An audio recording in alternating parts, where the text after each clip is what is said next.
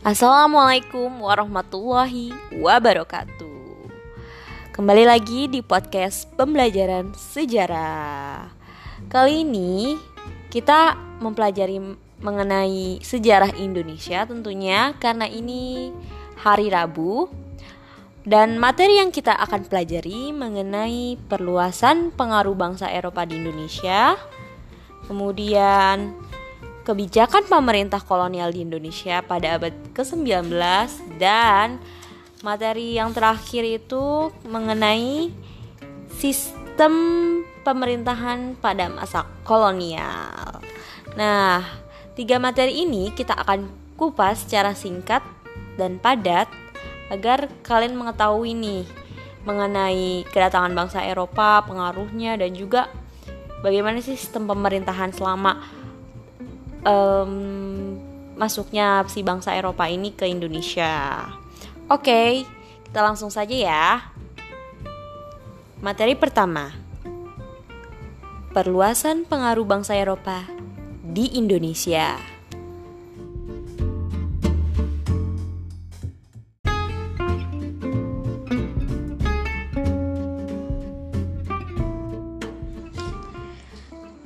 Penjajahan bangsa Eropa di Indonesia mungkin kalian sedikit tahu ya kayak misalkan pernah dijajah oleh bangsa Inggris, bangsa Portugis dan bangsa Belanda. Nah, ketiga bangsa Belanda ini rupanya telah menanamkan pengaruh di bidang ekonomi dan politik loh. Pengaruh di bidang ekonominya seperti apa? Nah, ketiga bangsa ini ternyata pernah melakukan monopoli perdagangan di Indonesia. Kalau misalkan mendengar kata monopoli perdagangan, pasti kalian langsung tertuju kepada VOC. Ya, VOC yang didirikan oleh Belanda. Namun, bukan hanya bangsa Belanda saja nih yang telah melakukan monopoli perdagangan, namun juga ada bangsa Inggris dan juga bangsa Portugis. Selain men apa ya menanamkan pengaruh di bidang ekonomi, rupanya bangsa Eropa ini juga menanamkan pengaruh di bidang politik. Berupa apa? Berupa campur tangan dalam urusan politik di suatu wilayah atau kerajaan. Yang kita ketahui bahwa di Indonesia dulu kan e, sistemnya berupa kerajaan ya atau feodal. Nah, kedatangan bangsa Eropa pada saat itu mereka juga ikut campur nih urusan perpolitikan uh, pada sistem kerajaan di Indonesia. Nah, di masing-masing wilayah tentunya ya. Kenapa sih uh, bangsa ketiga bangsa ini uh, melakukan hal tersebut? Nah, kita akan kupas cara um, apa ya singkat mengenai perluasan pengaruh bangsa Eropa di Indonesia. Tentunya ketiga bangsa ini nih, bangsa Portugis, Inggris, dan Belanda. Oh iya, kenapa bangsa Spanyol nggak ikut campur nih ke peng perluasan pengaruh bangsa Eropa di Indonesia? Karena yang kita pelajari kemarin nih, kalau Spanyol itu tidak ikut campur karena wilayah kekuasaannya ini hanya sebatas di kepulauan Filipina ya kan? Tadi kalau misalkan Portugis sampai kepulauan Maluku nah kalau Spanyol ini hanya di uh, ter, uh, terbatas ya hanya sebatas di kepulauan Filipina. Oke kita langsung masuk saja ke bangsa pertama yakni bangsa Portugis jadi um, yang kita tahu kan kalau misalkan bangsa Portugis itu berhasil menguasai Malaka. Nah, ternyata Portugis juga mengembangkan usahanya memperoleh rempah-rempah langsung nih ke wilayah Maluku. Jadi dia datengin tuh ke Maluku langsung. Ternyata kedatangan Portugis ke Maluku membawa suasana baru dalam perdagangan. Jadi kayak si bangsa Portugis itu tuh diterima oleh masyarakat dan juga raja Ternate. Kenapa bangsa Portugis diterima baik oleh Sultan Ternate? Karena pada saat itu kerajaan Ternate ini sedang punya konflik dengan kerajaan Tidore. Dan pada akhirnya Sultan Ternate memperkenankan Portugis untuk mendirikan benteng di wilayah Ternate. Namanya itu Benteng Sao Paulo. Nah, keberadaan benteng ini, bentengnya si Portugis, itu dimanfaatkan untuk menghadapi ancaman dari kerajaan lain, yakni musuhnya si kerajaan Ternate, yakni adalah kerajaan Tidore. Kemudian um, Sultan Ternate itu meminta Portugis nih untuk memberikan dukungan militer dalam menghadapi persaingan dengan Tidore. Jadi pihak Portugis menyetujuinya nih, tapi Portugis punya syarat kepada kerajaan Ternate. Portugis itu minta hak monopoli perdagangan rempah-rempah di Ternate. Dan permintaan Portugis ternyata di ACC atau diterima loh langsung oleh si kerajaan Ternate kayak uh, yaudah nggak apa-apa kamu melakukan monopoli perdagangan tapi kamu bantu kerajaan kita ya untuk melawan kerajaan Tidore nah begitu kemudian di sini uh, Portugis itu kan sudah melakukan monopoli perdagangan nih. Ternyata harga rempah-rempahnya itu rendah dan petani itu banyak dirugikan. Sedangkan pihak Portugis itu amat diuntungkan banget. Nah Selain di Ternate, Portugis ternyata juga pernah melakukan monopoli perdagangan di wilayah Indonesia lainnya, seperti di Kerajaan Samudra Pasai, di Minangkabau, hingga juga di Pajajaran.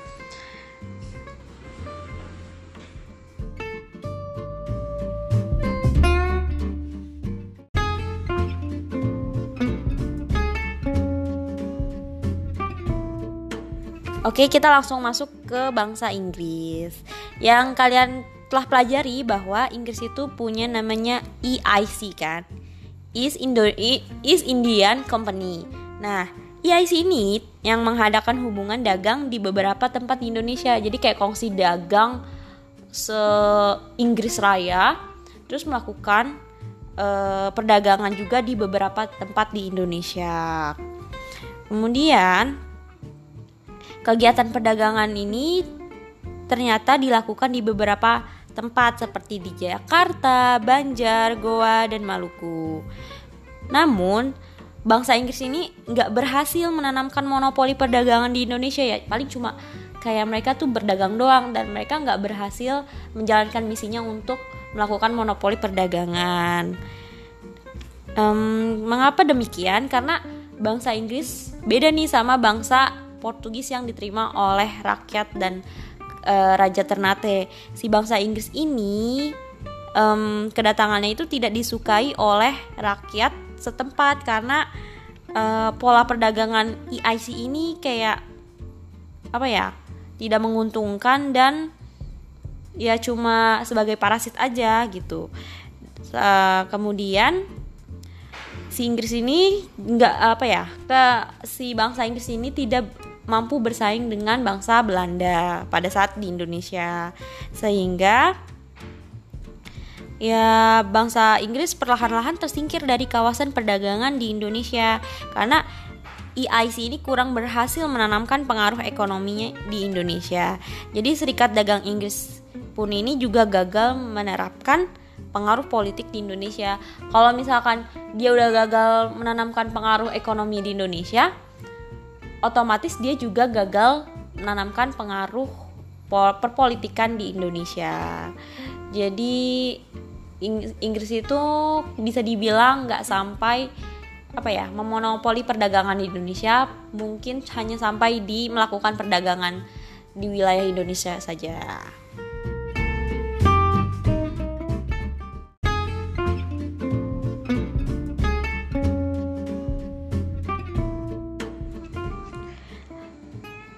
Oke, selanjutnya bangsa Belanda.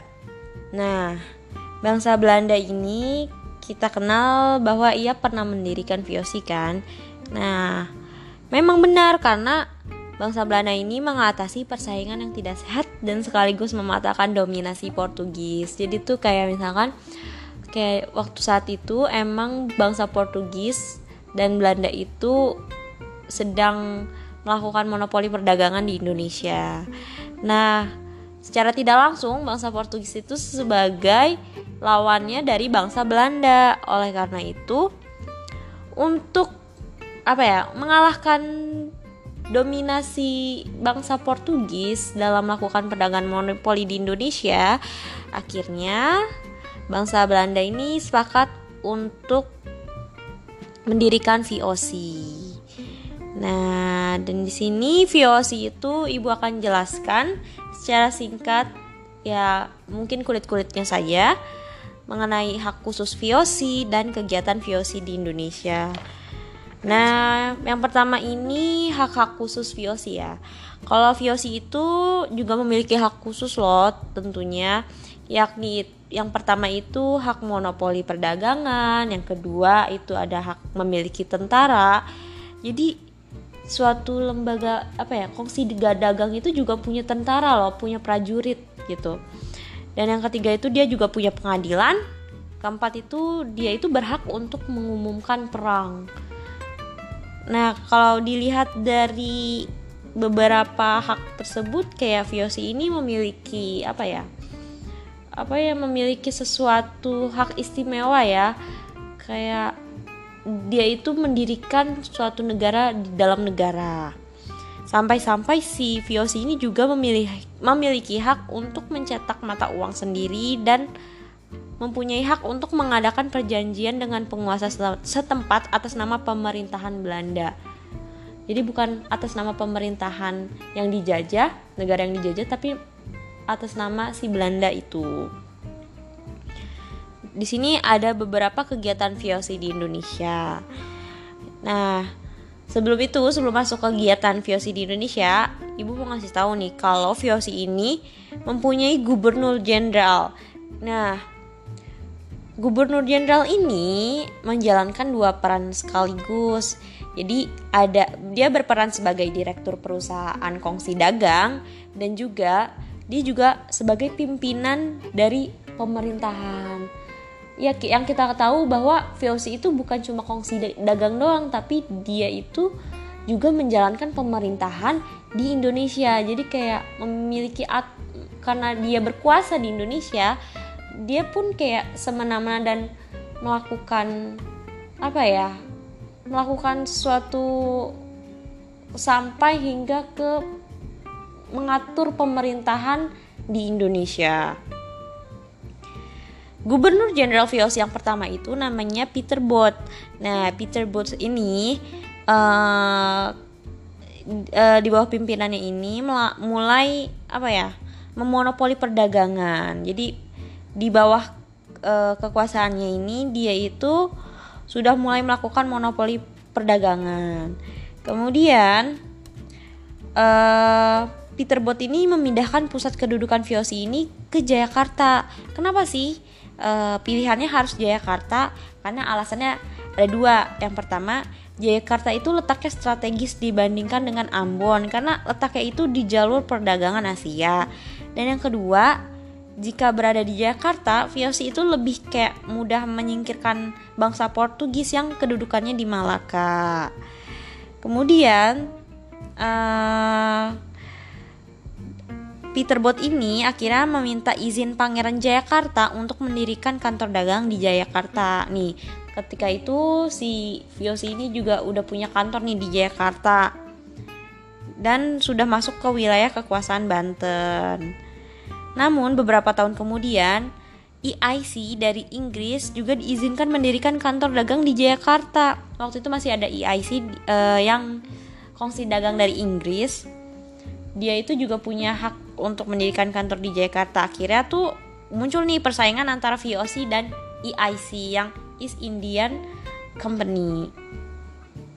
Setelah itu, setelah uh, uh, gubernur jenderal berganti, menjadi Jan Peter Zoonskun uh, Jan, Jan gubernur jenderal yang baru ini memperebutkan pengaruhnya di Jayakarta.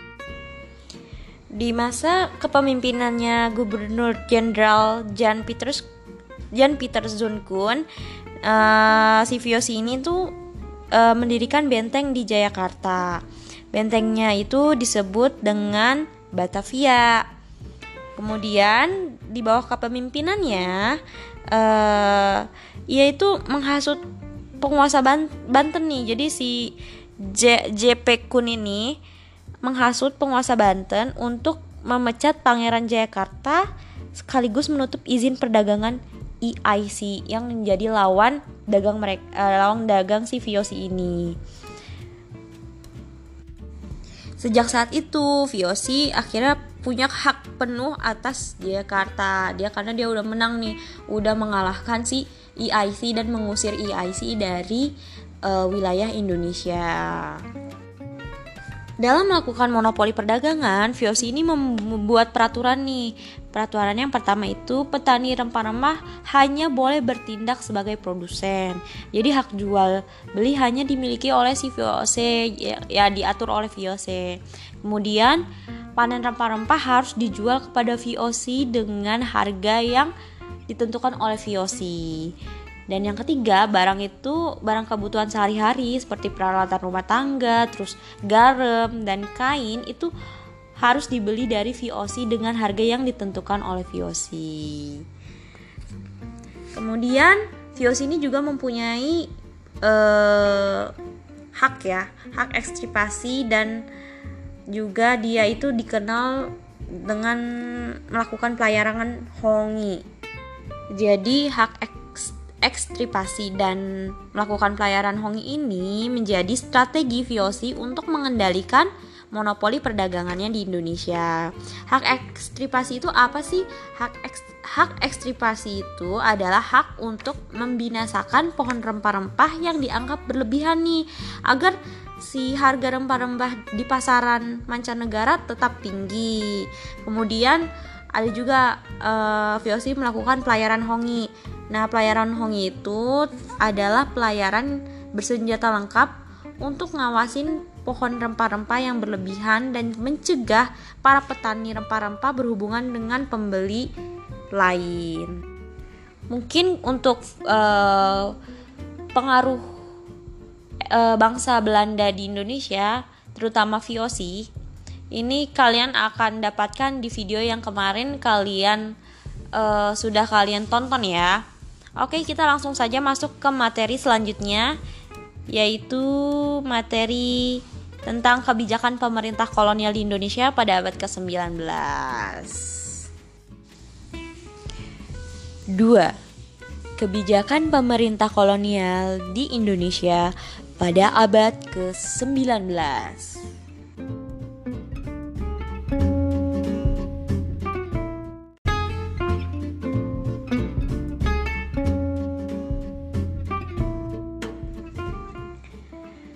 Di materi kali ini, VOC itu sudah tidak mempunyai kekuasaan lagi.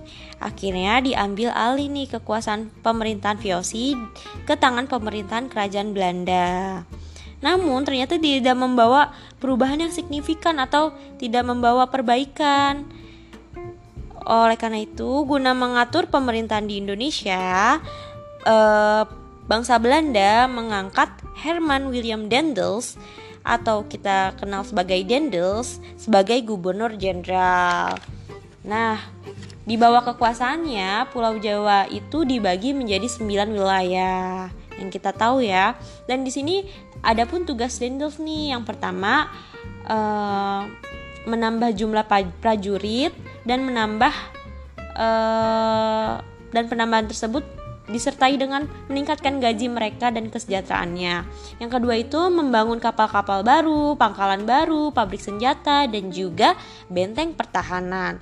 Yang ketiga itu si Dendels ini juga membangun jalan raya pos dari Anyer sampai Panarukan yang kita kenal sebagai jalan apa ya jalan Anyer Panarukan ya.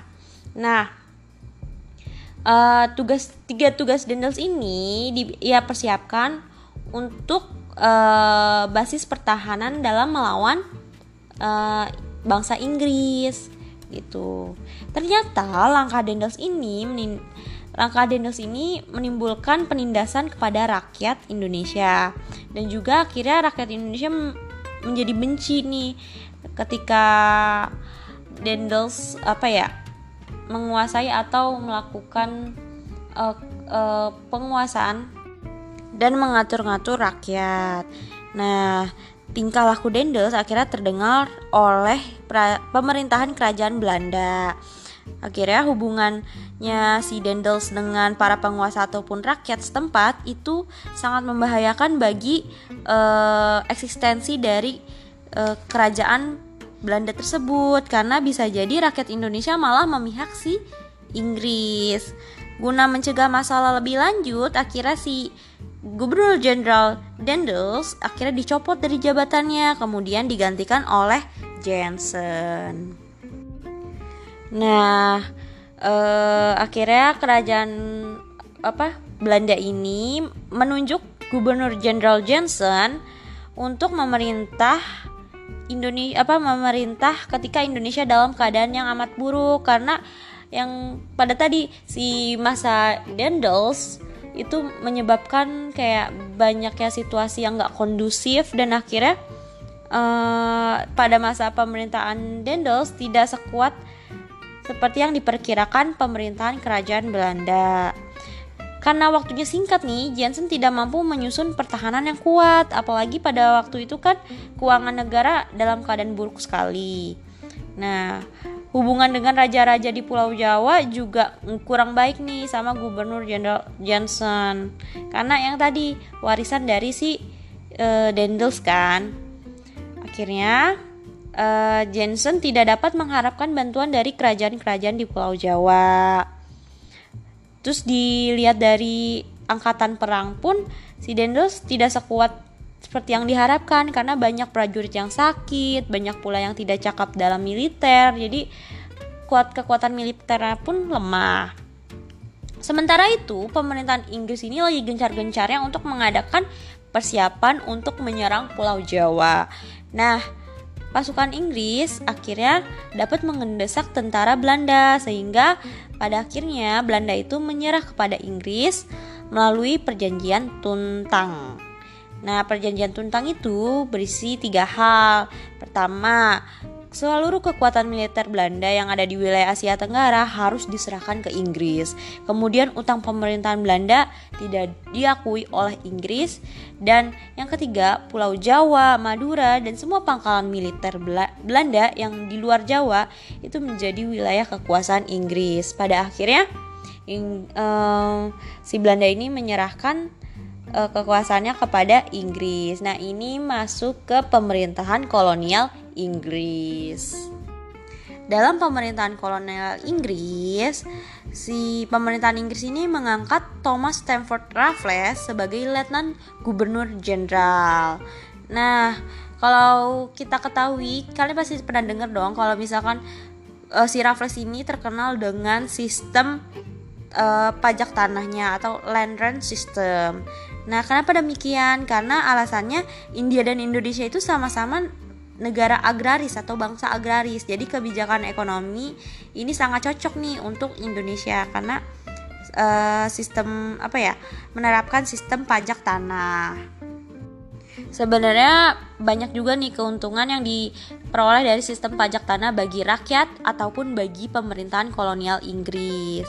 Namun uh, banyak juga nih kendala yang dihadapi ketika sistem pajak tanah itu diterapkan. Berbagai kendala yang dihadapi tersebut membuat sistem pajak tanah gagal diterapkan di Indonesia karena kekuangan kas pemerintahan kolonial juga harus tetap sehat nih. Raffles akhirnya terpaksa bertindak seperti Dendels yang dahulu.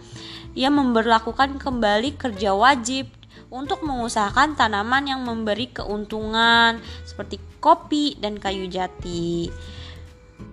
Akhirnya si Raffles pun kembali memperlakukan sejumlah pungutan yang pernah dihapus. Akibatnya, penderitaan yang dialami rakyat Indonesia pada masa VOC dan Dendels juga dirasakan pada masa pemerintahan Raffles. Pada akhirnya, pada sekitar tanggal 19 Agustus 1816, si uh, apa ya Inggris ini melakukan uh, penyerahannya apa ya memberikan penyerahan kekuasaan atas Indonesia kepada Belanda.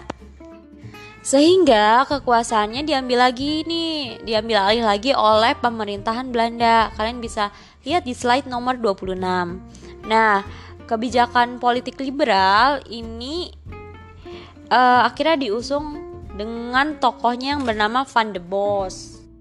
Gubernur Jenderal Van de Bos akhirnya menerapkan kebijakan politik konservatif. Nah, um, kalau di masanya Van de Bos ini, ia terkenal dengan kebijakan ekonomi konservatif yang dikenal sebagai sistem tanam paksa atau culture stelsel.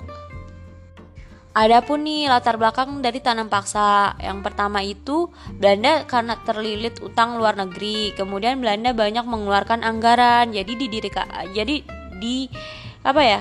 diberikan atau di diberlakukannya uh, sistem tanam paksa. Tujuannya untuk apa? Untuk mendapatkan keuntungan yang sebesar-besarnya aturannya juga ada nih. Aturan mainnya pertama rakyat harus menyerahkan seperlima tanahnya untuk ditanami perdagangan. Kemudian tanahnya itu bebas pajak kemudian waktu mengerjakan tanaman tidak boleh melebihi waktu tanam. Jadi untuk mengerjakan penanaman itu ada waktunya. Jika ada kelebihan hasil diserahkan kepada rakyat. Terus kegagalan panen bila bukan salah penggarap akan ditanggung oleh pemerintah. Dan yang terakhir itu, penduduk yang tidak punya tanah harus mengganti dengan bekerja di perkebunan pemerintah selama 66 hari. Adapun akibat dari apa ya pemberlakuan sistem tanam paksa kalau bagi rakyat Indonesia jadi rakyat Indonesia tuh nggak punya kesempatan untuk mengerjakan sawah ladang sendiri terus kemudian warga desanya tuh banyak yang jadi apa ya melakukan tindakan kriminal atau sebagai perampok. Tapi bagi negara Belanda ini tuh sangat mendatangkan keuntungan yang sangat besar karena dia mendapatkan profit dari sistem tanam paksa ini. Selanjutnya kita langsung masuk saja ke materi terakhir pada hari ini, yakni akibat dari perkembangan sistem pemerintahan uh, pada masa kolonial. Nah, di sini ada beberapa uh, bidang ya. Pertama politik, kemudian sosial ekonomi dan juga kebudayaan.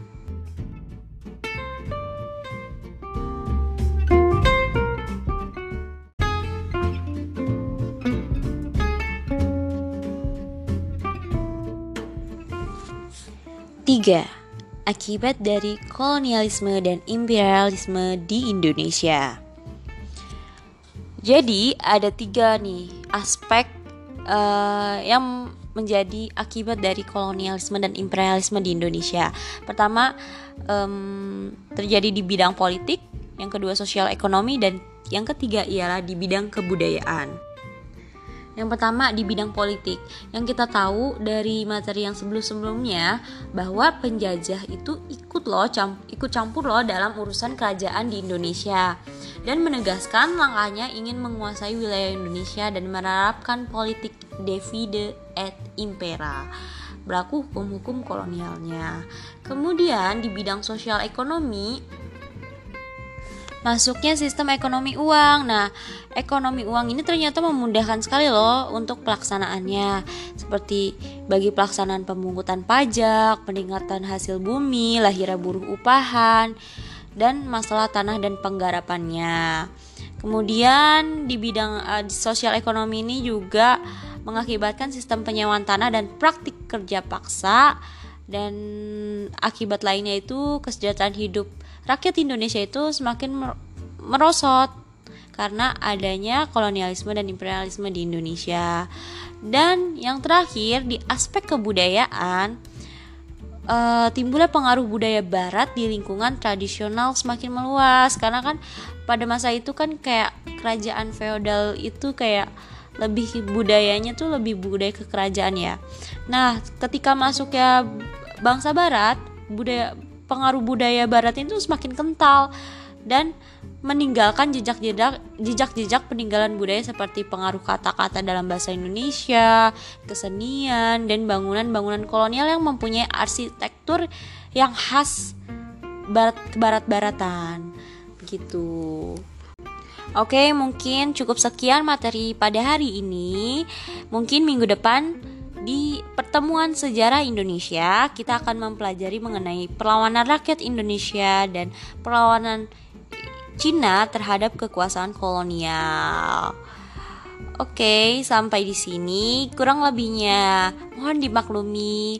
Wassalamualaikum warahmatullahi wabarakatuh.